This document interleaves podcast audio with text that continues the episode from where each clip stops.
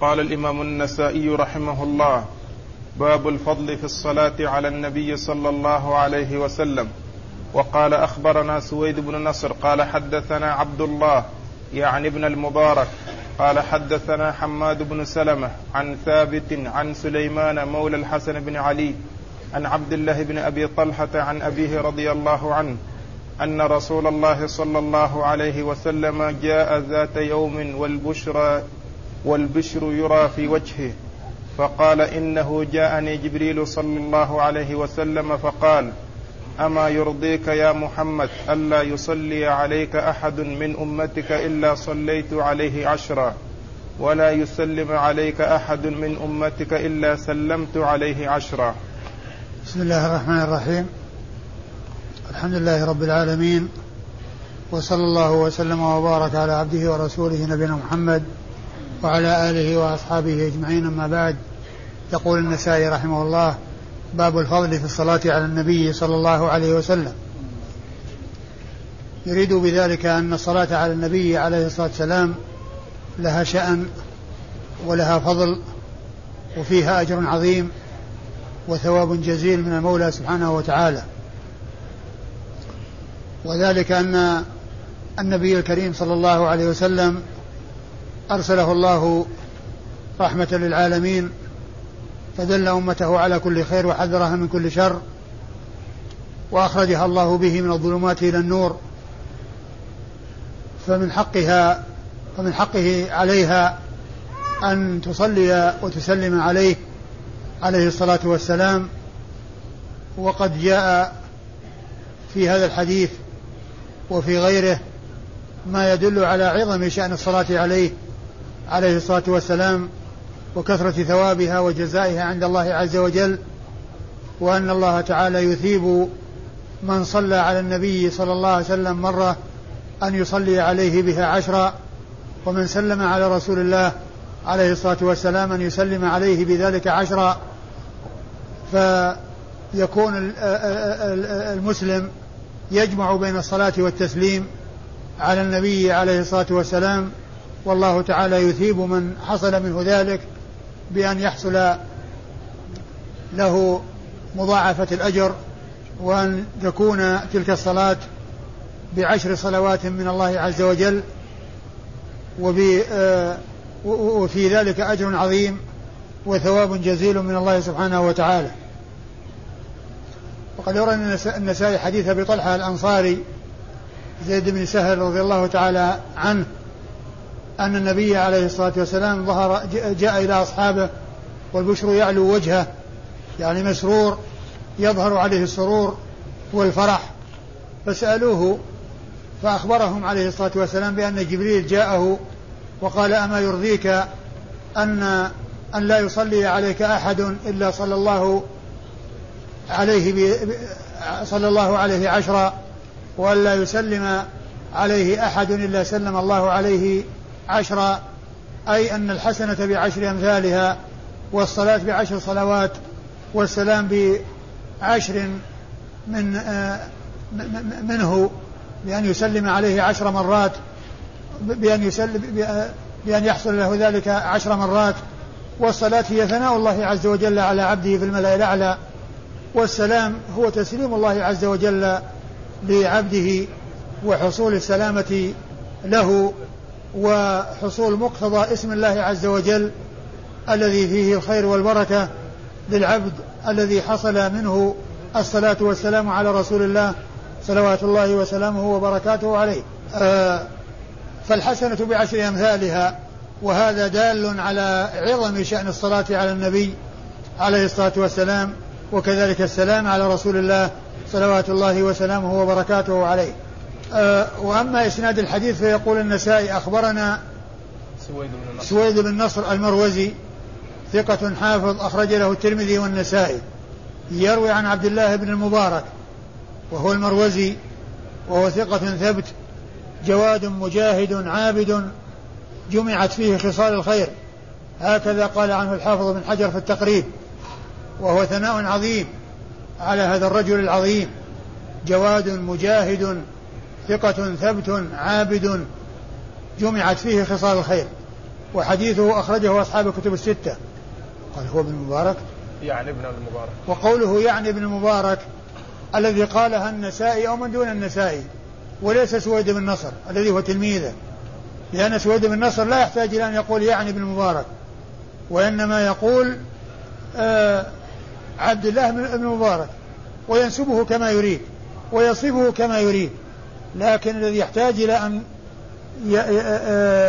يصفه أو يبين شيئا يوضحه ويزيل اللبس عنه لحصول الاشتباه في الأسماء هو من دون التلميذ وهو إما النسائي أو من دون النسائي.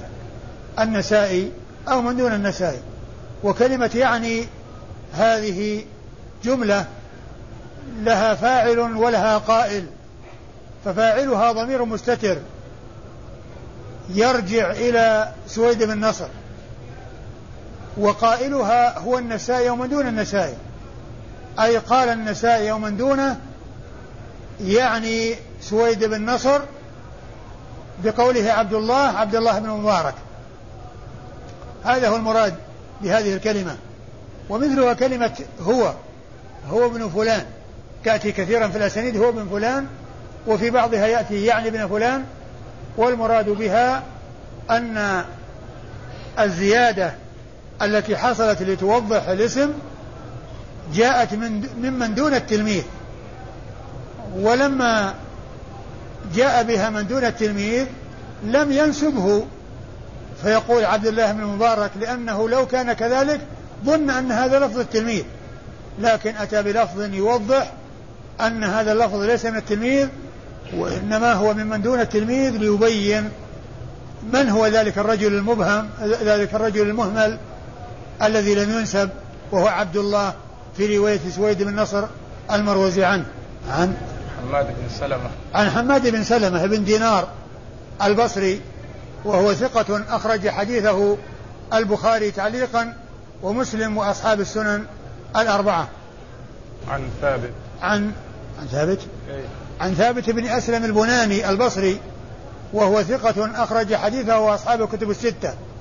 عن سليمان مولى الحسن بن علي. عن سليمان مولى الحسن ويقال له الهاشمي مولاهم وقد قال عنه الحافظ في التقريب إنه مجهول وسبق أن مر الحديث في الأبواب القريبة الماضية وذكرت أن الحافظ ابن حجر ذكر في ترجمته في تهذيب التهذيب أن الحديث صححه ابن حبان والحاكم وأن الشيخ الألباني قال عنه إنه حديث حسن. عن؟ عن عبد الله بن أبي طلحة. عن عبد الله بن أبي ابن أبي طلحة وهو آه، وقيل وقد ولد في حياة النبي عليه الصلاة والسلام وهو أخو وهو أخو أنس بن مالك و آه، وهو ثقة فهو إن آه، على يعني قيل هو الذي حنكه رسول الله عليه الصلاة والسلام فله رؤية ويعتبر من صغار التابعين من حيث الرواية. يعتبر من كبار التابعين يعتبر من كبار التابعين من حيث الرواية. من لهم رؤية وليست لهم رواية يعتبرون من كبار التابعين من حيث الرواية. ويكونون معدودين في الصحابة من حيث الرؤية. وهو أخو أنس بن مالك لأمه. أخو أنس بن مالك لأمه أم سليم وأبوها أبو طلحة و وعبد الله بن أبي طلحة أخرج له مسلم والنسائي. وأما أبوه أبو طلحة الأنصاري فهو زيد بن سهل مشهور بكنيته أبو طلحة وهو صاحب رسول الله عليه الصلاة والسلام مشهور بهذه الكنية وحديثه أخرجه أصحاب الكتب الستة. قال أخبرنا علي بن حجر قال أخبرنا إسماعيل بن جعفر عن العلاء عن أبيه عن أبي هريرة رضي الله عنه عن النبي صلى الله عليه وسلم أنه قال من صلى علي واحدة صلى الله عليه عشرا ثم ورد النسائي حديث أبي هريرة رضي الله عنه من صلى علي واحدة صلى الله عليه عشرا وهو مثل حديث حديث أبي طلحة المتقدم فيما يتعلق بجزئه الأول لأن فيه ذكر الصلاة. ومن المعلوم أن الصلاة يجمع فيها يعني بين الصلاة والتسليم وقد يؤتى بها بدون التسليم فيما إذا أتي بالصلاة الإبراهيمية.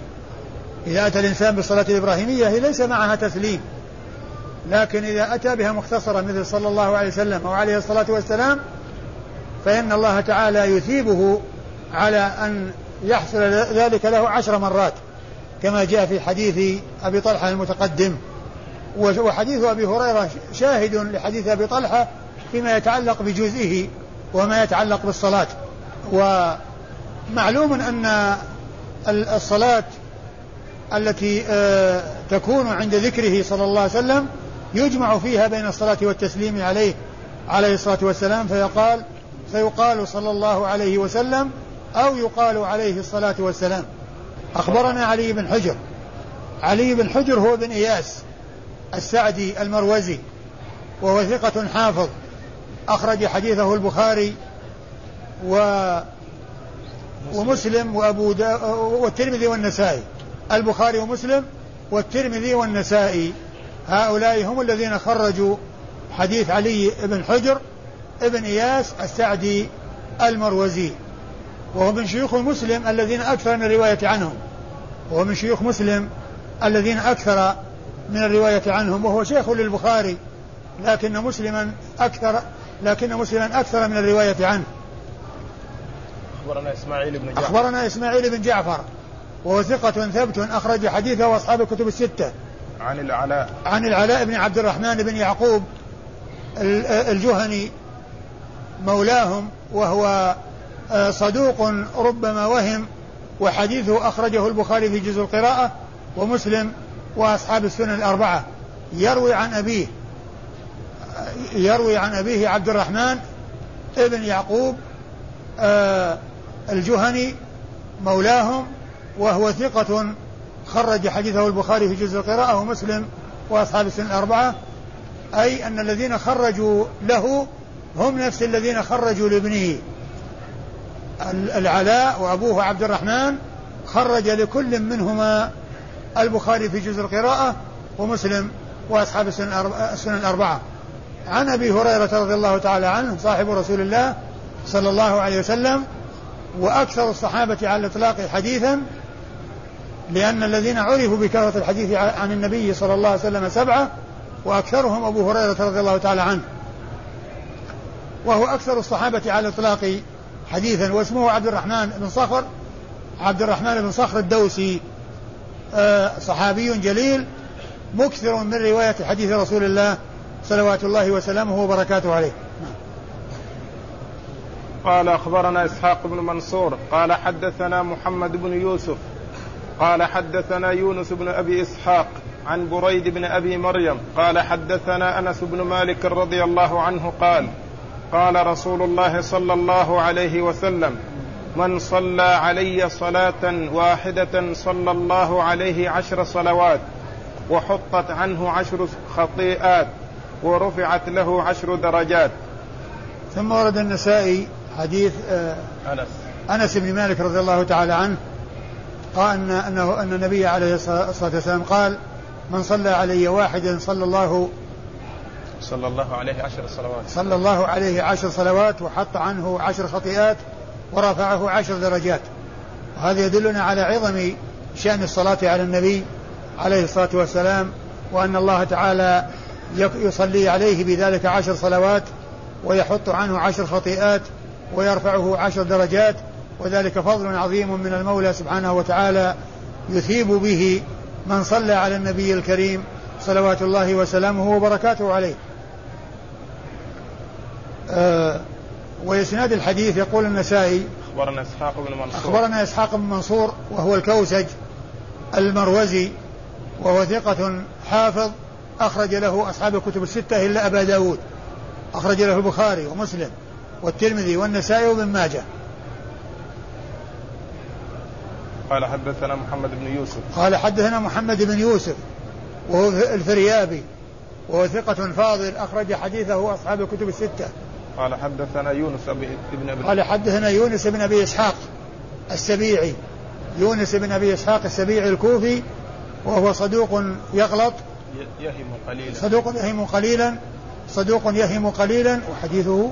عند البخاري في جزء القراءة ومسلم والأربعة. أخرجه البخاري في جزء القراءة ومسلم وأصحاب السنن الأربعة.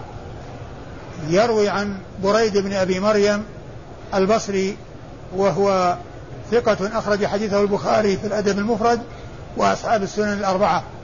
عن أنس.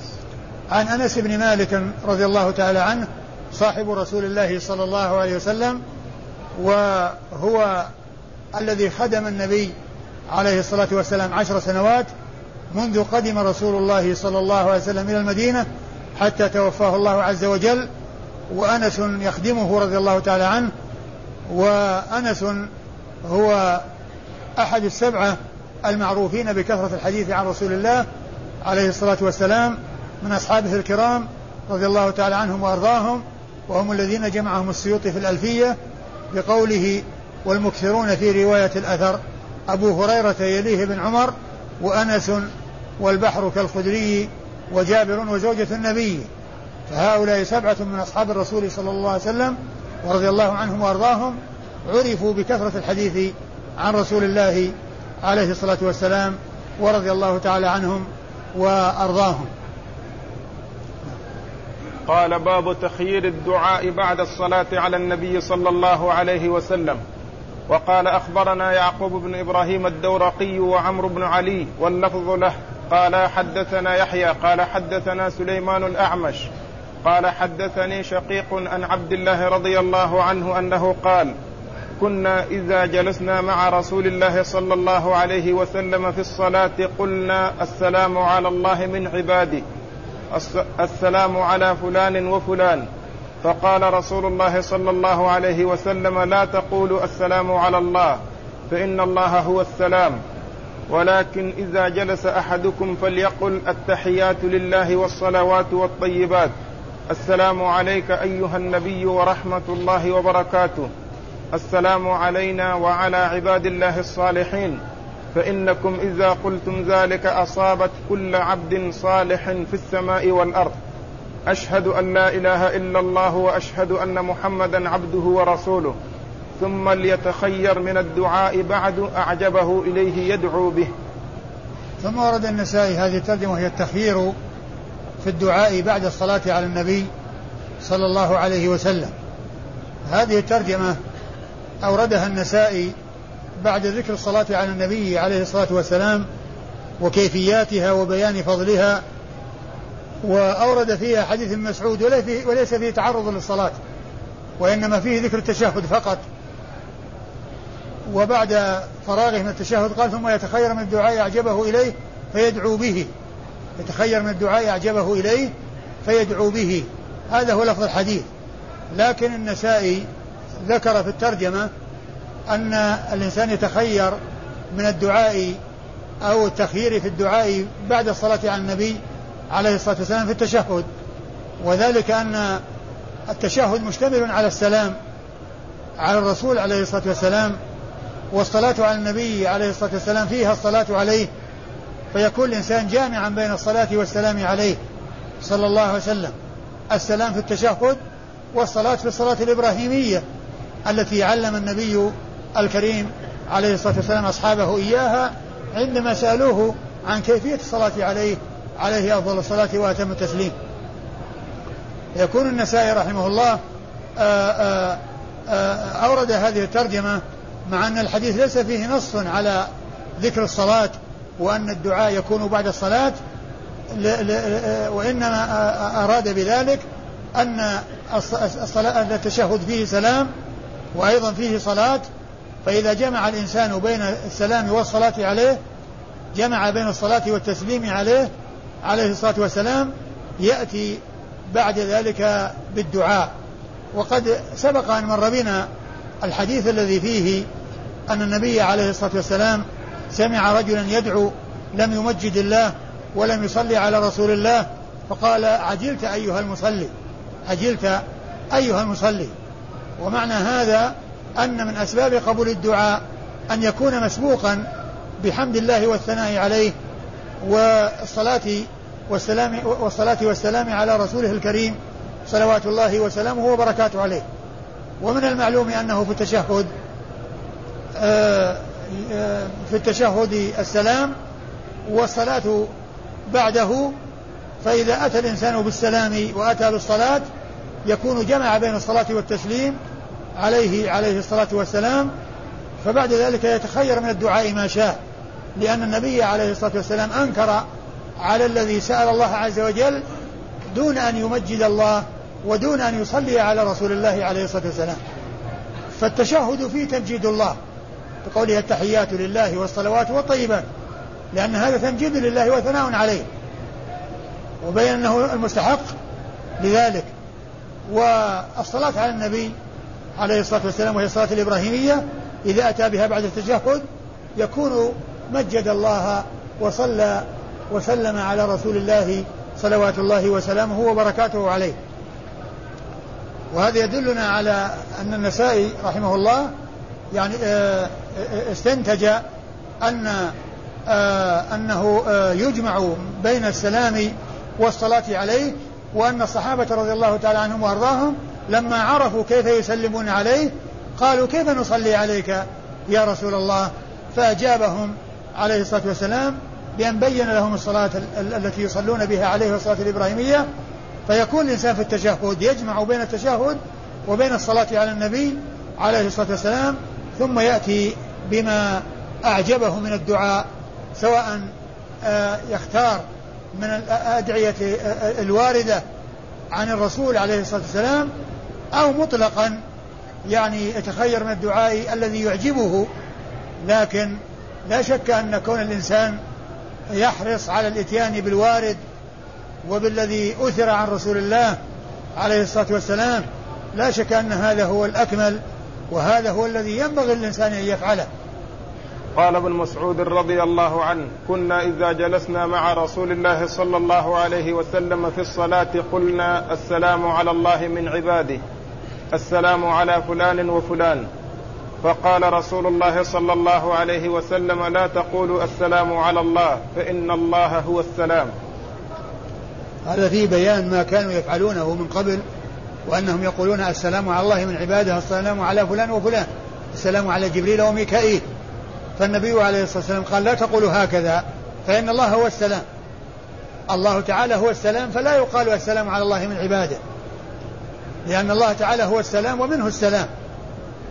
فلا يقال السلام على الله من عباده. نهاهم عن ذلك رسول الله عليه الصلاة والسلام. ثم أيضا قولهم السلام على جبريل وميكائيل السلام على فلان وفلان أيضا يغني عنه ما علمهم إياه عليه الصلاة والسلام بقوله السلام علينا وعلى عباد الله الصالحين. فإن كلمة عباد الله الصالحين تغني عن فلان وفلان وفلان وفلان ومهما قال سمى الإنسان من الناس أو من الملائكة لأنها كما جاء في الحديث نفسه إنكم إذا قلتم ذلك فقد آه، سلمتم إنكم أصابت كل عبد. فقد أصابت كل عبد صالح في السماء والأرض. أصابت كل عبد صالح في السماء والأرض. تصيب الملائكة وتصيب البشر وتصيب الجن. كل عبد صالح في السماء والأرض تصيبه تلك الدعوة أو ذلك السلام. السلام علينا وعلى عباد الله الصالحين. فكلمة عباد الله الصالحين تغني عن فلان وفلان التي كانوا يقولونها. التي كانوا يقولونها. أتى بلفظ عام يشمل كل عبد صالح. وهذا من جوامع كلمة عليه الصلاة والسلام. جوامع الكلم وجوامع الأدعية لأنهم يقولون فلان وفلان يسمون عدة أسماء. الرسول صلى الله عليه وسلم نهاهم أن يقولوا وأعطاهم لفظ واحد يشمل ما يريدونه وما يجري على ألسنتهم وما لا يخطر على بالهم. وأن المراد به أو المقصود به أنه يسلم على كل عبد صالح ثم تصيب كل عبد صالح في السماوات السلام علينا وعلى عباد الله الصالحين. ثم أيضا هذا يدلنا على أن العبد إذا كان حرص على أن يكون من أهل الصلاح فإنه يكون له نصيب من دعاء الداعين في كل مكان. كل إنسان يدعو بهذا الدعاء ويقول السلام علينا وعلى عباد الله الصالحين يكون للعبد الصالح نصيب من هذا الدعاء. فهذا يدلنا على عظم شأن الاستقامة وكون الإسلام يح... الإنسان يحرص على أن يكون مستقيما لأنه يحصل هذه الدعوة العامة التي تحصل من كل مصلي وتصيب كل عبد صالح في السماء والأرض. كما بين ذلك رسول الله صلوات الله وسلامه وبركاته عليه. قال لا تقولوا السلام على الله فإن الله هو السلام ولكن إذا جلس أحدكم فليقل التحيات لله والصلوات والطيبات. السلام هذا تعظيم لله عز وجل. هذا فيه تعظيم لله وتمجيد له. وأن التحيات والصلوات والطيبات كلها له سبحانه وتعالى. السلام عليك أيها النبي ورحمة الله وبركاته. وهذا سلام هذا السلام على النبي عليه الصلاة والسلام. وهذا هو الذي عرفوه وأرادوا أن يعرفوا كيفية الصلاة فعلمهم إياها بعد أن سألوه ذلك السؤال. قد عرفنا كيف نسلم عليك فكيف نصلي عليك؟ فقال قولوا اللهم صل على محمد إلى آخر الحديث. السلام علينا وعلى عباد الله الصالحين. فإنكم إذا قلتم ذلك أصابت كل عبد صالح في السماء والأرض. يعني ومعنى هذا أنه يغني عن قولكم فلان وفلان. السلام على فلان وفلان. إذا قلتم السلام علينا وعلى عباد الله الصالحين تصيب كل عبد صالح في السماء والأرض. فيغني عن تسمية تسميتكم بعض الأشخاص أو بعض الأفراد. أشهد أن لا إله إلا الله وأشهد أن محمدا عبده ورسوله. وهذا هو التشهد الذي يشهد الإنسان لله بالوحدانية والألوهية ولنبيه محمد عليه الصلاة والسلام بالرسالة. فيشهد له بالرسالة وأنه عبد الله ورسوله ويشهد لله بالوحدانية وشهادة الله بالوحدانية تقتضي أن لا يصرف شيء من أنواع العبادة لغيره وأن تكون جميع أنواع العبادة خالصة لوجهه وشهادة أن محمد رسول الله تعني أن يصدق في جميع أخباره وأن تمتثل جميع أوامره وأن ينتهى عن جميع نواهيه وأن لا يعبد الله إلا بما شرع رسول الله عليه الصلاة والسلام. فلا يعبد بالبدع والمحدثات والخرافات والأهواء وإنما يعبد طبقا لما جاء في كتاب الله عز وجل وسنة رسوله صلوات الله وسلامه وبركاته عليه لأن المسلم يتبع ولا يبتدع كما جاء عن عبد الله بن مسعود أنه قال اتبعوا ولا تبتدعوا فقد كفيتم. اتبعوا ولا تبتدعوا فقد كفيتم. يعني معناه التزموا بما جاءكم من الوحي وبما جاءكم من الكتاب والسنة فقد كفيتم بما جاءكم من الحق والهدى عن البدع والمنكرات والمحدثات التي تحدثونها وتتقربون إلى الله عز وجل بها. والله تعالى إنما يتقرب إليه بطاعته ويتقرب إليه بما شرعه على بما جاء في كتابه وعلى لسان رسوله صلوات الله وسلامه وبركاته عليه. فهذا هو الذي ينفع الإنسان عند الله عز وجل. أما كونه يحدث في دين الله عز وجل أمورا محدثة منكرة ما أنزل الله بها من سلطان ثم يتقرب إلى الله عز وجل ويقول أنا قصدي حسن ذلك لا ينفعه. بل لابد مع حسن القصد أن يكون على السنة كما جاء عن الفضيل بن عياض رحمة الله عليه أنه قال في قول الله عز وجل ليبلوكم أيكم أحسن عملا فقال العمل الأحسن هو ما كان خالصا صوابا. ثم فسر ذلك فقال فالخالص ما كان لله وحده والصواب ما كان على سنة رسول الله صلوات الله وسلامه وبركاته عليه. وهذان هما شرط قبول العمل الإخلاص والمتابعة. تجريد الإخلاص لله وحده وتجريد المتابعة للرسول صلوات الله وسلامه وبركاته عليه. وقد قال شارح الطحاوية توحيدان لا نجاة للعبد إلا بهما توحيد الرسول وتوحيد المرسل. فيوحد المرسل بالعبادة يوحد المرسل وهو الله بالعبادة ويخصه بها ويجعلها خالصة له ولا يجعل مع الله شريكا في العبادة فلا يدعو إلا الله. ولا يذبح إلا لله ولا ينظر إلا لله ولا يقسم إلا بالله ولا يتوكل إلا على الله ولا ينظر إلا لله ولا يستعيذ إلا بالله ولا يستغيث إلا بالله. كل أنواع العبادة تكون خالصة لوجه الله. وهذا هو تجريد الإخلاص لله وحده.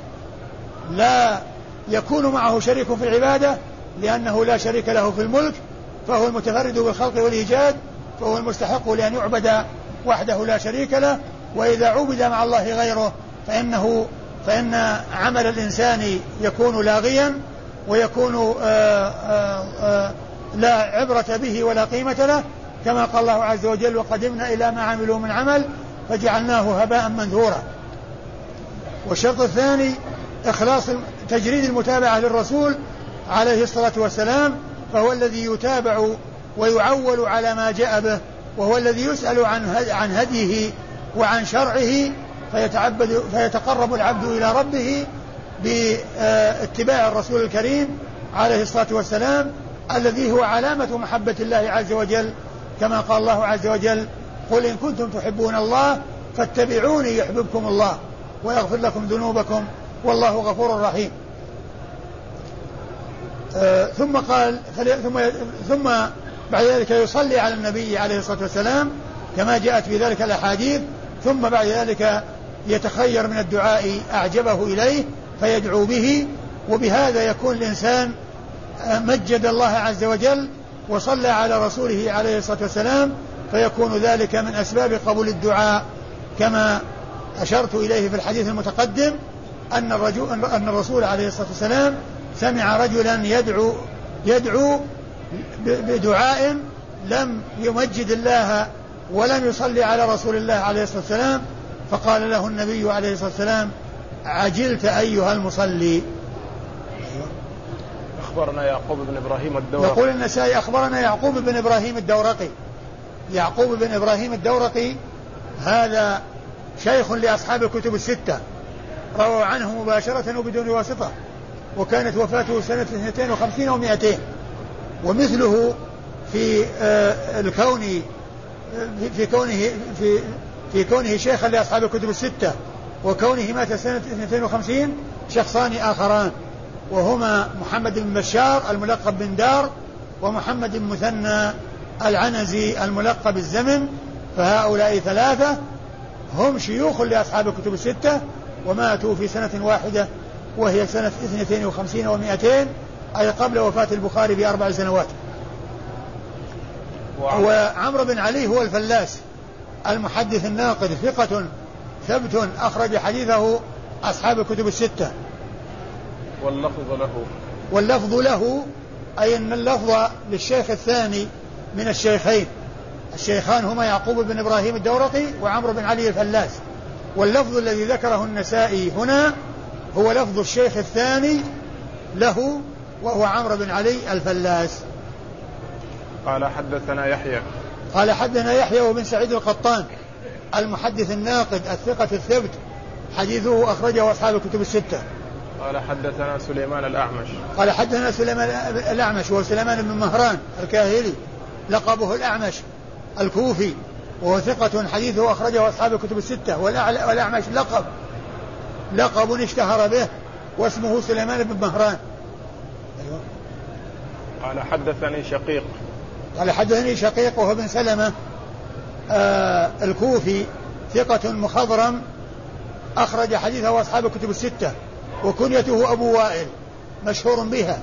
يأتي أحيانا باسمه شقيق كما هنا ويأتي أحيانا بكنيته أبو وائل وهو شخص واحد يأتي أحيانا باسمه وأحيانا بكنيته. وحديثه عند أصحاب الكتب الستة. عن عبد الله. عن عبد الله بن مسعود الهذلي صاحب رسول الله عليه الصلاة والسلام وأحد علماء الصحابة الكرام رضي الله عنهم وأرضاهم وحديثه أخرجه أصحاب الكتب الستة قال الذكر بعد التشهد وقال أخبرنا عبيد بن وكيع بن الجراح أخو سفيان بن وكيع قال حدثنا أبي عن عكرمة بن عمار عن إسحاق بن عبد الله بن أبي طلحة عن أنس بن مالك رضي الله عنه أنه قال جاءت أم سليم إلى النبي صلى الله عليه وسلم فقالت يا رسول الله علمني كلمات أدعو بهن في صلاتي. قال سبح الله عشرا واحمديه عشرا وكبريه عشرا ثم سليه حاجتك. يقول نعم نعم. ثم ورد النسائي هذه الترجمة وهي الذكر بعد التشهد الذكر بعد التشهد والمراد بالذكر هو الثناء على الله عز وجل وتعظيمه وتمجيده هذا هو الذكر. وأما الدعاء فهو السؤال لأن الدعاء يعني هو السؤال اللهم إني أسألك كذا وكذا هذا دعاء. وسبحان الله والحمد لله والله أكبر هذا ذكر. ففيه ذكر ودعاء. فالذكر ثناء والدعاء طلب ورجاء. الدعاء طلب ورجاء والذكر آه، آه، ثناء على الله عز وجل. أورد النسائي تحت هذه الترجمة حديث حديث أنس بن مالك أن أم سليم وهي أمه أم أنس جاءت إلى رسول الله عليه الصلاة والسلام وقالت علمني آه، دعاء علمني كلمات أدعو. علمني كلمات أدعو بها في صلاتي. علمني كلمات أدعو بها في صلاتي. قال قولي قال أحمد الله آه، قال سبح سبح الله عشرا. وكبر واحمده عشرا وكبريه عشرا ثم سليه حاجتك. ثم سليه حاجتك. يقول, يقول نعم نعم يعني أجبتك وحققت طلبك. يعني معناه أن أن آه أن الحديث يدل على ما دل عليه ما تقدم من كون الإنسان بين يدي حاجته يثني على الله ويعظم الله عز وجل ويسبق طلبه وحاجته تمجيد الله عز وجل.